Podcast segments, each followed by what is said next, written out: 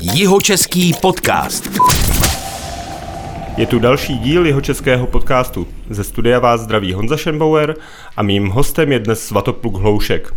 Ten vystudoval pedagogickou fakultu a hned po jejím dokončení věděl, že učit v komunistickém Československu nechce a tak objížděl zábavy jako DJ. Své zkušenosti na začátku 90. let pak využil i jako moderátor ranní show na rádiu Faktor. Následně začal podnikat a založil se svým holandským kamarádem cestovku a společně vozili do Čech holanděny a učili je vodáctví na Vltavě. Krátce na to pak pan Hloušek vyhrál výběrové řízení na zastoupení německé firmy Meta v Česku.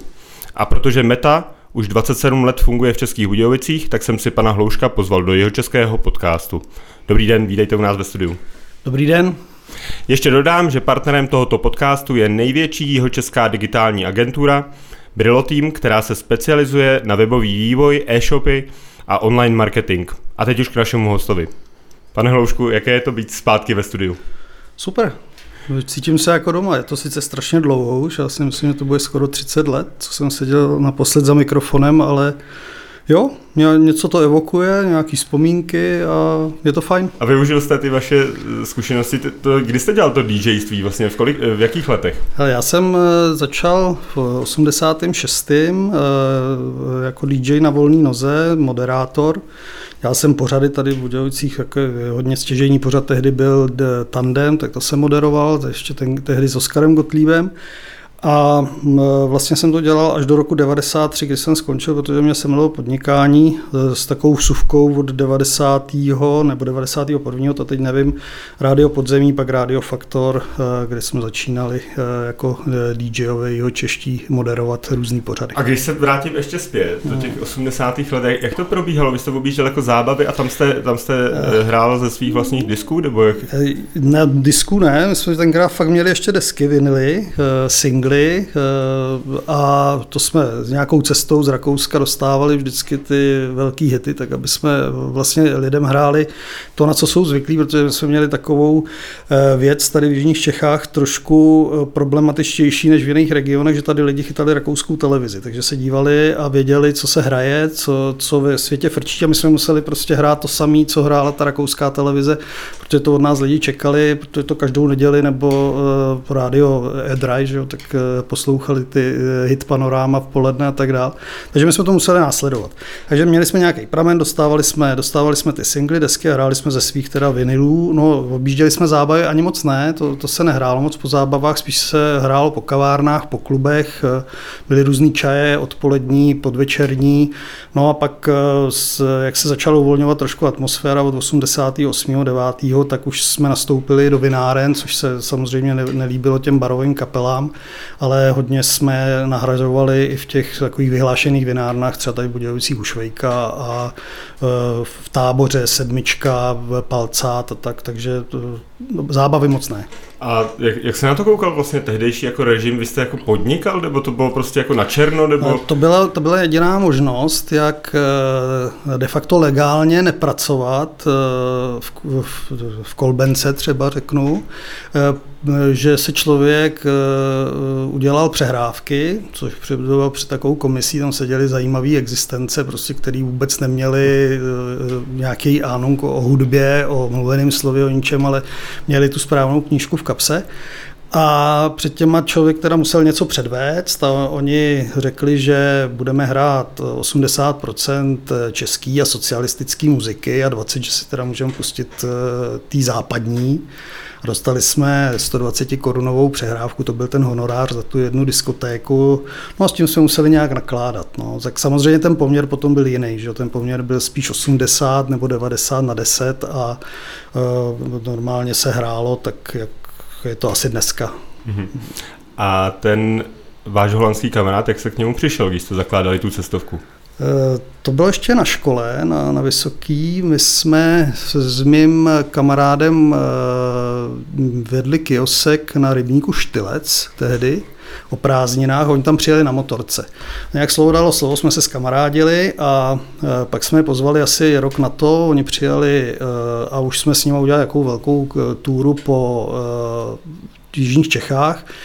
Mimo jiný jsme byli i tři dny na Vltavě na lodích A jim se to strašně líbilo. A potom, když se změnil režim, tak jsme samozřejmě seděli, a protože jsme byli podnikaví a měli jsme nápady, tak jsme říkali, co bychom mohli asi tak dělat. A ten kamarád říkal, hele, já si myslím, že to bude velká výhra, když budeme vozit Holandiany do Čech a budeme je vozit po Vltavě, protože to oni budou úplně nadšení. No, tak jsme v 91. roce, myslím, založili cestovku. A jak to probíhalo to voz, vození? Vy jste to zařídili se to od A až do Z, nebo jste je nechali přijet a dali jste jim lodě a vzali jste ne, si ne, na tom ne, svoji marži? My jsme, my jsme to zařizovali od A až do Z, my jsme měli speciální průvodce a oni věděli, když zastaví v Krumlově, co mají v tom Krumlově dělat, kam mají jít, na co se mají podívat. Měli by takové knížečky prostě od nás, to dostali k těm eh, vlastně svým podkladům cestovním. No a vlastně to, ta práce spočívala v tom, že my jsme připravovali kompletně ty trasy, ono potom z, z té Vltavy aby se to rozmohlo víc na kola, že jsme začali, koupili jsme spoustu tehdy horských kol a ty lidi jezdili po jižních Čechách s průvodcem nebo bez e, pět, šest, sedm dní na kolech od hotelu k hotelu, jsme jim vozili zavazadla, zase měli popsané trasy, to jsme všechno najížděli vždycky přes zimu, aby, aby to bylo na další sezonu připravené a vlastně jsme to tady všechno připravili a dávali jsme to, dávali jsme to na, na cestovky do Holandska, který to buď to chtěli nebo nechtěli prodávat. A jak vypadala, vypadala tehdejší Vltava? Super, nikdo tam nebyl. kolik tam bylo hospod, kolik tam bylo billboardů okolo, no, okolo, okolo řeky?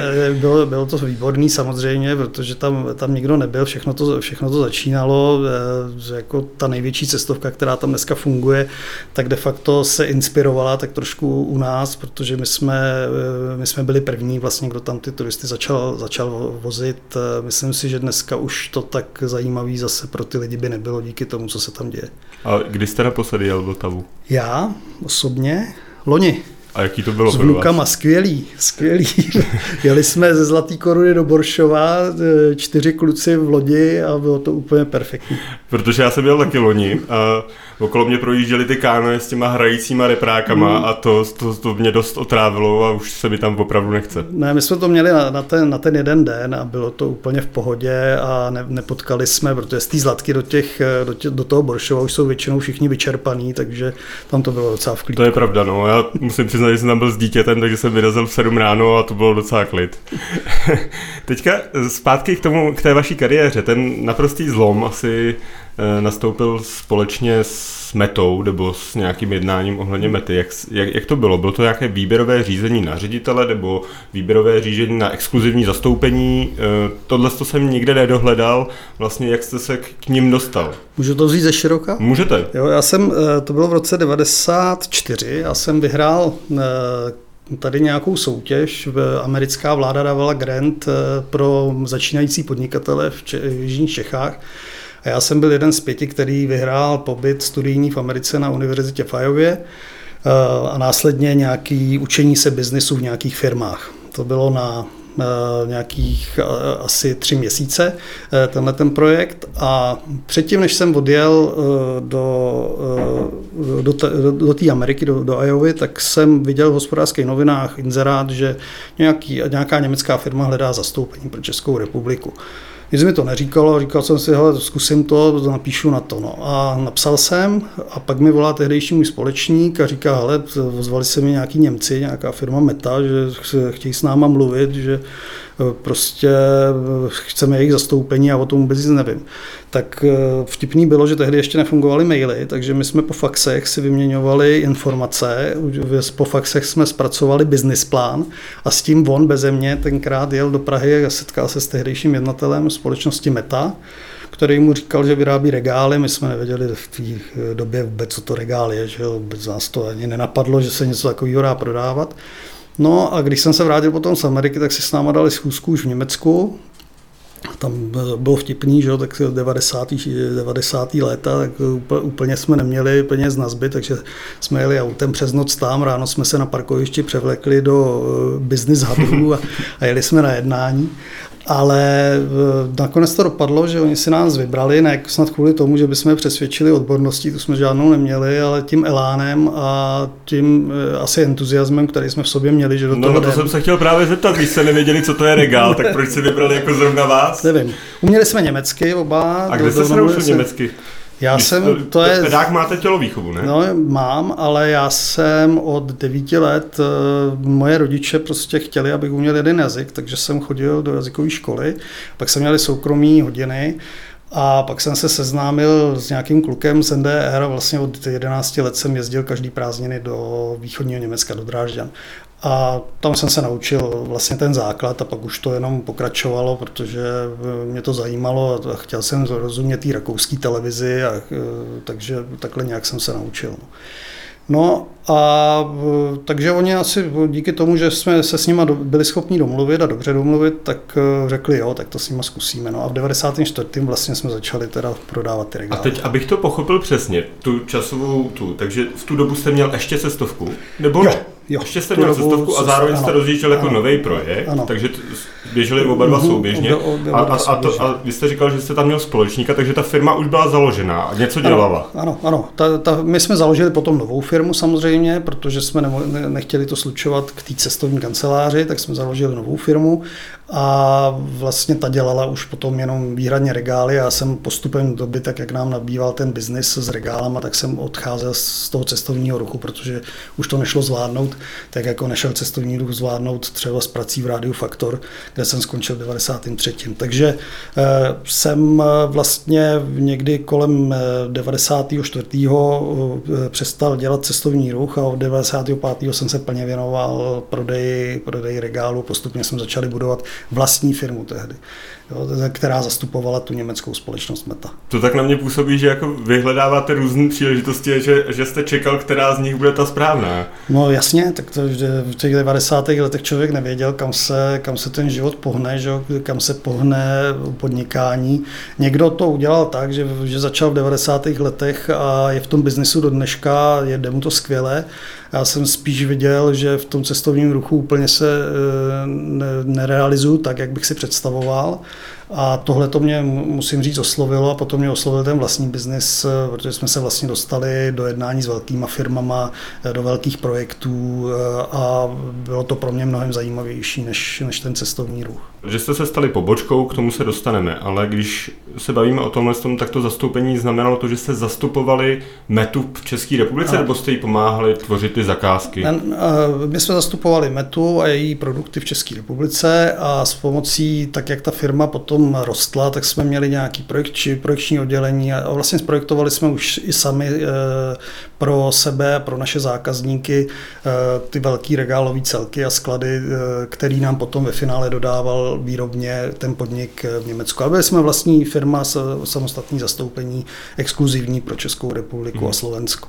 A proč jste se stali teda tou pobočkou? Proč jste z toho vlastního podnikání se vlastně, jestli, jestli to správně chápu, tak vy z majitele firmy jste se stal ředitelem pobočky. Ano, no, já jsem se stal ředitelem ceřinné společnosti, řekněme, a mm, bylo to proto, že jsme dostali nabídku, která se v tu dobu nedala odmítnout. a pro vás to znamenalo nějakou změnu z hlediska, podni- z hlediska uh, směřování firmy, nebo jste dělali v podstatě to samé? Ne, já jsem uh, de facto, samozřejmě ta firma dostala nový impuls tím, že to začala vlastnit ta matka, že jo, ta, ta vlastní výrobní firma. A e, mně se ta práce e, příliš nezměnila. Mně se změnila až v roce 2004, e, když jsme začali tady v Budějovicích i vyrábět. A do té doby jsme de facto jeli ten samý biznis, co jako vlastní firma, tak jsme jeli jako ceřiná společnost až říkám do toho roku 94, ne, 2004. A 2004 jste tady začali vyrábět regály. Ano. Takže tam, takže tam byl další zlom v té firmě. To jste mhm. vyráběli kde v tu dobu? My jsme s, potřebovali, protože to, to muselo být eh, rychlé rozhodnutí a rychlá reakce, protože se zavírala jedna ze dvou výrobních, jeden ze dvou výrobních závodů se zavíral v Německu. A já jsem tehdejšímu jednateli Mety v Německu řekl, já bych eh, chtěl to, co tady rušíte v Německu, zkusit vyrábět v Čechách. On byl člověk trošku takový krve jako já, že jsme se hodně od sebe, myslím si, vzájemně naučili a říká, jo, tak fajn, uděláme smlouvu, tady mi podepíšeš, že to kupuješ od nás za tolik a za tolik peněz a fakt jako striktně musím říct, jako s bankou jsme si od nich půjčili eh, ty stroje, jako, který jsme jim potom spláceli. Ale my jsme je potřebovali někam umístit. Ta, ta výroba není malá, my potřebujeme hodně prostoru. Jsme si pronajali v tehdejším eh, podniku Sphinx, eh, myslím si, že už to dneska neexistuje, který vyráběl nádobí, tak tam byla hala najednou 4000 metrů mání, takže jsme si ji rychle pronajali a celá firma jsme se odstěhovali po poměrně komfortních eh, prostor, který už eh, teda eh, evokovali tu dobu, ve které jsme podnikali, do šíleného komunistického baráku, do paneláku prostě v národního podniku Sphinx. Úplně ne všichni zaměstnanci z toho byli šťastní, což samozřejmě chápu, ale byla to jediná možnost, jak se dostat k rychlým metrům čtverečním, který jsme potřebovali pro tu výrobu. Legrační na tom je, že my jsme měli 4,5 tisíce metrů čtverečních, spoustu strojů, docela dobrých strojů ještě z, z té doby a krčilo se tam pět zámečníků, kteří prostě začali, začali pracovat pro nás, jako pro, pro tady ten trh a pro vlastně matku v Německu, protože jsme de, facto gro té výroby tehdy vyváželi zpátky do Německa. Takže v tu dobu jste začínali i poměrně nabírat personál. Ano, ano. Abyste ty stroje mohl, aby ty stroje nebyly úplně automatizovaný, předpokládám. Nebyly, nebyly, takže jsme samozřejmě nabírali personál. Já si myslím, že my jsme v roce 2004 začínali v tom Swingsu s nějakými, když vezmu obchodní oddělení, tak eh, a výrobní část té firmy, tak jsme, tak jsme začínali s nějakými 12-14 lidmi a když jsme Swings opouštěli, tak nás bylo 60. A Meta to jsou jenom regály, nebo je to ještě něco jiného? Co, Met, co Meta vyrábí? Meta eh, jako skupina Meta dneska, protože máme spoustu poboček po celém světě, dá se říct, takže celá ta naše skupina má dva výrobní závody. Ten jeden výrobní závod je eh, v Německu, v Arzbergu, to je takový menší město v, eh, nedaleko Dortmundu, v Porůří Westfálsku a druhý výrobní závod je tady v Českých Budějovicích a vyrábíme eh, regály od těch nejjednodušších a nejmenších, do kterých si můžete třeba postavit, když byste potřebovali i tady v tom vašem studiu, až po velký investiční celky, které eh, nabízíme firmám, jako je Alza.cz, Amazon eh, v zahraničí, i tady vlastně v Čechách. Takže de facto děláme kompletní průřez s eh, tou skladovací technikou, eh, kterou si člověk dneska dokáže představit. Z toho v Českých Budějovicích vyrábíme vlastně z těch eh, profilů, které jsou zateploválcované, taková těžší strojírenská výroba a Němci dělají z lehkého plechu, který tvarují do nějaké podoby polic a stojen a tak dále. A když se to vezme ten poměr výroby mezi Německem a Českými Budějovicemi? No, eh, já to vemu obratově. My děláme nějakých 12 milionů euro obrat, eh, Němci dělají 80, takže to asi tak. A když se podíváme na ty zakázky, to vy si hledáte zakázky sami, anebo je to tak, že Ně- Německo má své obchodní oddělení a to vám dává ty zakázky a vy je potom eh, vy jim dodáváte? Eh, ne, je to tak, že každá ta eh, pobočka nebo ceřiná společnost spravuje nějaké území, které, které se dohodlo, že bude spravovat. Na nás historicky připadlo Slovensko, a před nějakými pěti lety se naši kolegové v Německu nebyli schopni domluvit s tehdejším zastoupením v Maďarsku a přebrali jsme i Maďarsko my a založili jsme si tam ceřinou společnost eh, asi před eh, třemi lety. Takže my děláme tři země dneska a veškerý biznis eh, v těchto těch třech zemích si řídíme sami. Posloucháte jeho český podcast s ředitelem české pobočky společnosti Meta Svatoplukem Hlouškem. Jeho český podcast. Dalším tématem, který mě zajímá, myslím si, že vy k tomu budete dostatečně erudovaný a budete mít dostatečné zkušenosti, jsou ceny vstupních surovin. V poslední dobou jako se v médiích a všude se píše o tom, že ty ceny vstupních surovin ra- raketově rostou. Tak eh, jaká je vaše zkušenost? Kolik máme času? Ještě dvě hodiny třeba? Ne? Tak můžeme udělat speciál. Ne, tak to je velký téma. Musím říct, že to, co se děje od ledna 2021, je úplně neskutečný. Já Osobně si myslím, že pořád nevím úplně ten základ, proč to tak je proč ty ceny tak razantně stoupají. Já jsem, já jsem říkal před, eh, před tím jinglem, co jste, co jste před chvilkou eh, řekl o tom podcastu, tak jsem říkal, že eh, vlastně dělá Meta v Německu z toho plechu a tvaruje ho. A v těch plechách my dneska jsme na cenách, kdy meziročně o 110% výš, v některých komoditách i víc než 110%. U nás z toho těžkého houtního materiálu je to trošku méně, ale to zvýšení je taky razantní. A samozřejmě eh, my jsme byli zvyklí v posledních eh, nějakých 10-15 letech, že ty ceny meziročně téměř nerostly nebo, nebo rostly eh, o inflaci nebo, nebo něco podobného. A takové razantní skoky, jako máme v letošním roce, to prostě jsem za celou svou kariéru ještě, ještě nezažil a to jsem zažil třeba přeceňování v roce 91. A myslím si, že takhle razantní nárůst během jednoho půl roku ještě tady nebyl. Je to ve všech komoditách, musím říct, ale v té oceli je to opravdu eh, znatelný a přiznám se, nevím ten důvod. Nevím. Já jsem jako slyšel ty důvody, že je to taky o té dopravě, že se zpomalila ta doprava, že je toho všeho materiálu méně. Má tohle na to vliv? Eh, říká se, že eh, jedna věc je obrovská poptávka, která nastala díky covidu, že lidi zůstali doma, začali s renovacemi, které odkládali a tak dál. Nevím, jestli zrovna u nás to má takový vliv. Určitě, určitě má vliv eh, ten COVID na to, že rostou internetové obchody, které potřebují řešit potom skladování svých výrobků, než je pošlou zákazníkovi, takže tam, tam bych to chápal ale kde ten, kde ten nárůst eh, vlastně toho eh, odběru je, začal a kde, kde je tak veliký, to, to opravdu posoudit nedokážu. Co se týká dopravy, tak samozřejmě to jde ruku v ruce, když se vám zdražují suroviny, tak se, tak se zdraží všechno a hlavně eh, díky tomu, jak se to zboží dneska eh, posílá po celém světě, tak je problém v tom, že najednou zjistíte, že nejsou kontejnery, protože ten nárůst covidový, když to řeknu, covidový je nejenom u nás, ale je po celém světě a je třeba i v 1,5 miliardový Číně. A dostat dneska kontejner z Číny je téměř zázrak na čas. A to by asi potvrdil někdo jiný. My naštěstí z Číny nedovážíme, ani tam nevyvážíme. Ale vyvážíme třeba do Ameriky a tam ten nárůst eh, v těch kontejnerech je 100% eh, někde je 130%. Jako cena za, cena, to, za dopravu kontejnerů? Do USA řekněme z Brem do, na Floridu. Takže to nejsou jenom vstupní suroviny, ale i ta doprava zdražila no, o 100%. Ano, ano.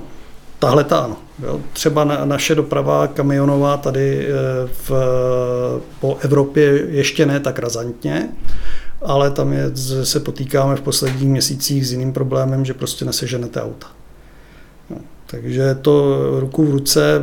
Ten materiál samozřejmě, protože zdražují všichni, tak eh, my jsme byli nuceni udělat ve třech krocích nějaký zdražení až na tu hodnotu, která teď je v závěru roku a my věříme a doufáme, že už bude konstantní tak eh, to se nám nějak podařilo eh, prosadit a vysvětlit našim zákazníkům, protože vlastně se s tím potýkají všichni, kdo od nás berou, protože eh, jsou to většinou firmy, které v těch regálech něco skladují, takže ví, že oni mají ty vstupy zrovna tak jako my. Horší je to s tou dostupností toho materiálu, protože jedna věc je cena, druhá věc je, abyste to za tu cenu dokázal sehnat. Teďka mě napadají dvě otázky. První z nich je ta jak to řešíte se zákazníkem, když máte podepsanou smlouvu na dodávku nějakých regálů a ta, ta dodávka trvá nějaký čas a vám se mezi tím zdraží prostě ty suroviny o 50, 25, 100%, tak eh, potom jednáte s tím zákazníkem o navýšení ceny, abyste, aby to nebyl pro vás ztrátový projekt, anebo to nelze? V některých případech, nebo ve většině případů to nelze za normální situace.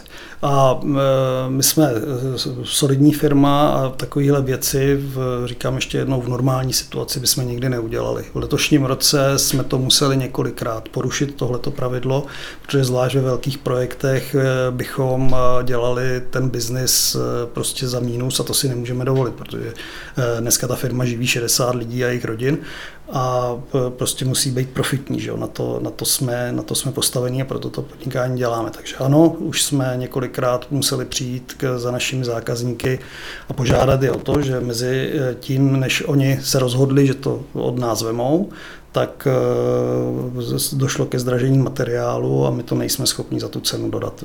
Stalo se to asi ve dvou případech, protože my jsme bohužel byli nuceni od dubna ty naše nabídky ohraničit eh, termínem jednoho týdne, kde jsme měli jistotu, že ten týden ty ceny udržíme na tom vstupu. To znamená, že když vy pošlete klientovi nabídku, tak ta nabídka má platnost jeden týden. Jeden týden, musí se rozhodnout, když se nerozhodne, tak se to přepočítává. To je docela dost práce okolo toho, když... Je to strašně práce. A, no, jak byste, vy jste, vy jste vlastně postavili novou fabriku. Ano. Novou, jestli to říkám správně, je ano. to tam na Rolfovské. Ano. A když byste ji stavil v dnešní době, mm-hmm. co byste se rozhodl pokračovat ve stavbě, i když ty ceny jsou třeba mnohem vyšší, nebo počkat, že ty ceny třeba spadnou? Spadnou ty ceny? To je otázka, to bylo správně tam položený jako otázka, protože ani já nevím, jestli, jestli spadnou. Já si myslím, že třeba ceny ocely příští rok určitě e, zůstanou tam, kde jsou, že určitě dolů nepůjdou. E, nevím, jak to bude v jiných komoditách, ale to, co prodáváme my, tak tam jsem přesvědčený o tom, že zůstaneme na stejné úrovni konce roku 2021. A co se týká té vaší otázky ohledně stavění, to bych se musel zeptat, co by na to říkala banka. Eh, určitě bych v tom projektu chtěl pokračovat, protože to zastavení projektu v, v, této, v této velikosti by samozřejmě eh, trvalo eh, nebo stálo ve finále mnohem víc peněz, než v tom pokračovat.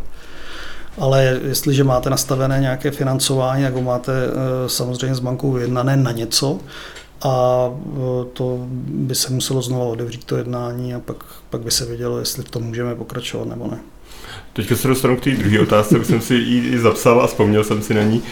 Jak teda scháníte ten materiál? Když jste říkal, že to je obrovský, obrovský problém sehnat v dnešní době tu ocel, že jo, která je pro vás stěžení. Tak e, jak se, to, jak se změnila tahle situace? Já je jsem to jdu... jako černý trh, nebo?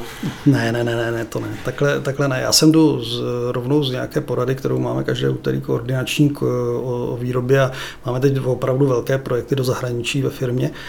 A zrovna jsme řešili nedostupnost jednoho materiálu, který potřebujeme dodat na konci roku do Maďarska na nějaký veliký projekt a b, úplně jsem odcházel a nevěděli jsme, jak to, jak to budeme řešit. To budeme poptávat po celé Evropě, jestli to někde neseženeme, jestli to někdo nemá skladem to, co potřebujeme, ale teď v současné době naši dodavatelé, tak jak jsem dostal tu informaci, než jsem sem šel, tak ten materiál nemají.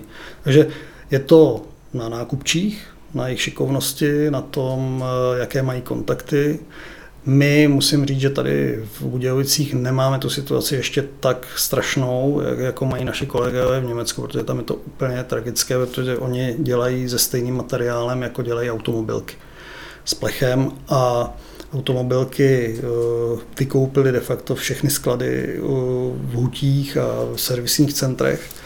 A naše nákupčí, šéfová nákupu v Německu, tak ta se teda musí otáčet a její pozicí v letošním roce to absolutně nezávidím a nechtěl bych sedět na ty její židly. No tak oni ty automobilky teďka už některé, některé jsou na tom tak, že i pozastavují výrobu, protože nemají dostatek materiálu. To, je, to by jí možná mohlo pomoct. Ano, to je, to je to, eh, kde my doufáme, že by ke konci roku některé materiály, které dneska třeba nemáme, mohly být znova dostupné, protože nebudou odebírat eh, automobilky, ale to se ukáže, to, to ještě, ten trend ještě tady není. Eh, jaký největší projekt jste dělali tady s Budějovickou pobočkou? Myslíte výrobně nebo obchodně? No to jim to Myslím výrobně spíš. Výrobně. výrobně jako co bylo nejnáročnější z vašeho pohledu za celou tu kariéru? No, e, my, jsme, my jsme dělali několik ocelových konstrukcí pro společnost Amazon v jejich skladech v Německu, v Polsku, což byla náročná výroba, protože různorodá. Pardon, že vám do toho vstupuju, ale jak, jak velký je tak sklad Amazonu, abych si, aby jsme si to představili? Tak eh, Amazon v Praze v svého času, už je to překonané dneska, ale svého času, když to stavěli, tak to byla největší skladová hala v republice, která má plochu, myslím, 100 x 60 metrů pod střechou. A to by je plné regálu, takže asi, asi tak ve čtyřech patrech. To je fotbalový hřiště? To je, ano, to je trošku víc než fotbalový hřiště. No. Jo, takže tak, tak jsou průměrně velké sklady, sklady Amazonu po Evropě. Takže pro ně jsme dělali, to je, to je náročná výroba, protože tam hrozný tlak na čas, protože jak tam jezdí na tu stavbu, eh, dá se říct stovky kamionů denně, tak musíte všechno to časovat tak, abyste tam byl v tom okně, který oni vám dají na vykládku a tak dále. Takže to je logisticky náročné.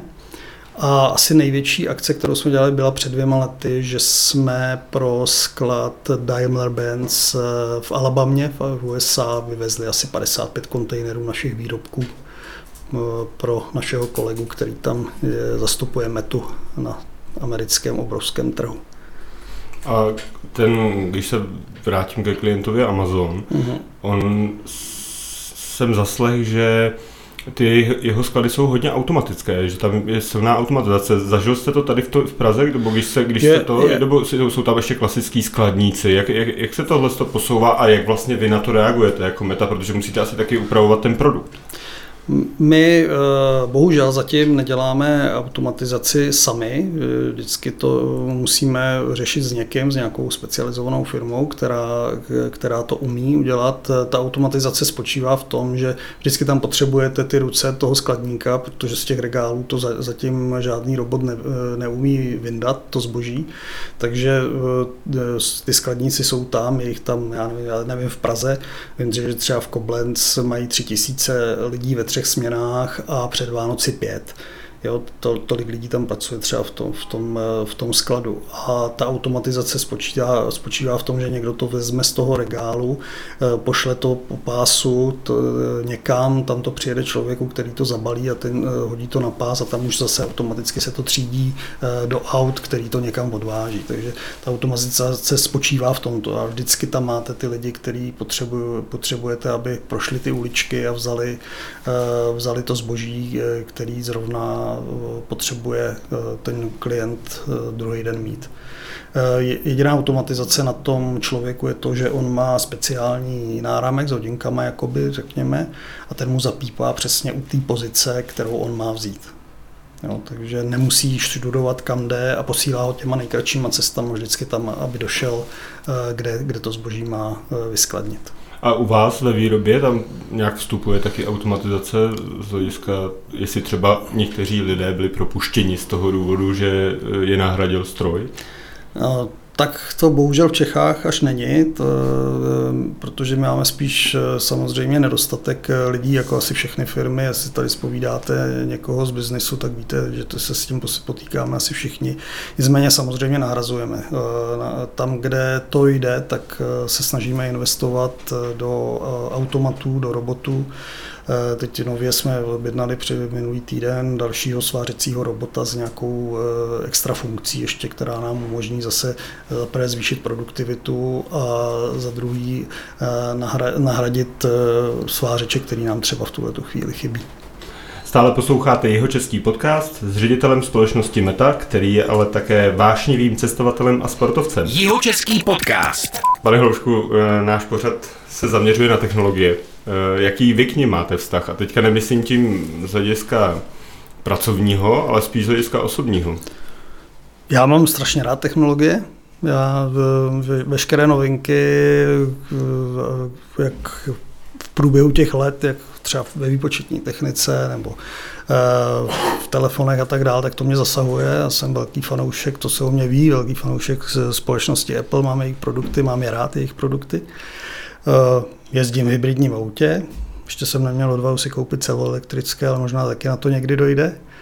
Takže jo, technologie jsou fajn a mám je rád a rád je využívám. A co třeba využíváte konkrétně, co, co, co vám zlepšuje život? Eh, co, co používáte pravidelně? Jaký třeba aplikace? To je... Eh, co mi, co mi zlepšuje život, tak eh, určitě telefon, že, který používám, eh, může se tady říkat jaký. No jasně. Jo, takže iPhone. Vždycky se snažím mít poslední novinku, ne proto snad, že, že to je ten trend, ale mě to baví, protože oni tam vždycky přidají něco nového a co, co zase mě třeba v tom využívání posune dál. No a za aplikace používám, tak hodně mi, hodně mi pomáhá to, že si platím Apple Music, takže si pouštím v autě nebo doma to, co, má, to, co chci a ne to, co mi někdo servíruje. Spíš muziku nebo mluvené slovo? Uh, Taky tak. Musím říct, že hudba asi převažuje, ale když jedu někam na dálku, tak si rád poslechnu podcast, i, i váš třeba. Eh, a protože si člověk něco dozví a, a, a je, to, je to určitě lepší než neustálý proud, proud hudby, který potom se může stát monotónním. Například eh, na sportování používáte taky něco, protože vy jezdíte rád na kole, eh, tuším, že jste uběh půlmaraton nebo běháte půlmaratony. No, už jsem dlouho neběhal, ale ano, uběhal jsem několik půlmaratonů a běhám, běhám stále jen tak pro radost a na kole jezdím. To je kole je pro mě str- eh, fajn, to je taky technologie vlastně, takže tam mám rád taky. Do, Normální kolo, ne elektrokolo. Ne, ne, ne. Já, já mám i elektrokolo, ale to jsem si koupil, protože jsem si koupil vozík a tahám zatím psa, tak abych nemusel do kopce ještě tahnout za svý eh, psa, tak, tak máme elektrokola a málo ho používám. Ale mám horský kolo a silniční, obě mě baví a snažím se i tam mít jako fakt, eh, fakt dobrý kola, protože to zná a člověk si to užije mnohem víc, než když má šlapat na něčem, co úplně nefunguje. Takže jo, sport, sport je fajn a, a tam využívám technologie taky, to tak eh, samozřejmě eh, na, navigace, že jo, spo, sport testry a, a tak dále. Jak funguje taková navigace? Na, na, na kole Mm-hmm. Na kole? Jo, jo, tak uh, máte nějaký spot test od Garminu, kde, kde máte i navigaci, že si vyklikáte nějakou trasu, když uh, někde jste, třeba jezdíme hodně do Itálie, tak v Itálii si naklikáte nějakou trasu, někdy vám ukáže seznam CZ, že to je cyklotrasa, zjistíte, že v polovině sjezdovky, že to fakt cyklotrasa není. Je to se stává, ale jinak se podle toho dá dobře orientovat. Mně se tohle stalo v Rakousku přesně s, s mapama CZ. Abych se dostal zpátky k těm Holanděnům, jak mm-hmm. sem, jaký je váš vztah vlastně k Jižním Čechům obecně? Tak já jsem naturalizovaný o Čech. Já, já vždycky říkám, že jsem zavlečenec. Já jsem, se na, já jsem se narodil v Brně, pak mě sem zavlekli rodiče, samozřejmě teď odlehčeně řečeno, e, protože otec tady dostal tenkrát práci a eh, musel, musel teda vlastně tehdy se musel, takže jsem musel odejít. A úplně první dva nebo i tři roky se mi to vůbec eh, nelíbilo. Myslím, že do takových 15-16 let jsem eh, jezdil do Brna jako domů. A to jste byli v Budějovicích? Aha. Jo, jo, přímo Budějovicích jsme bydleli. Ale postupem času uh, jsem vlastně se stal jeho Čechem a uh, Budějovičákem, i když v Budějovicích teda už 20 let nebydlím, ale firmu tady máme a pořád uh, vlastně se cítím tím Budějovičákem nebo Budějčákem. A jo, jsem patriot. Jižní Čechy jsou podle mě jedno z nejkrásnějších míst k životu tady v České republice a líbí se mi tady moc. A jaké je to podnikat tady na Jižních Čechách? Jaký v tom vidíte výhody a nevýhody? Eh, já si myslím, že je eh, velká výhoda právě, právě toho, že tady máme nějaký eh, slušný životní prostředí, ty lidi, ty lidi jsou fajny, ty, kteří dělají u nás ve firmě, ve směs jsou v té firmě rádi, máme, máme tam dobrý tým a možná to má i něco dočinění s mentalitou tady jeho českou.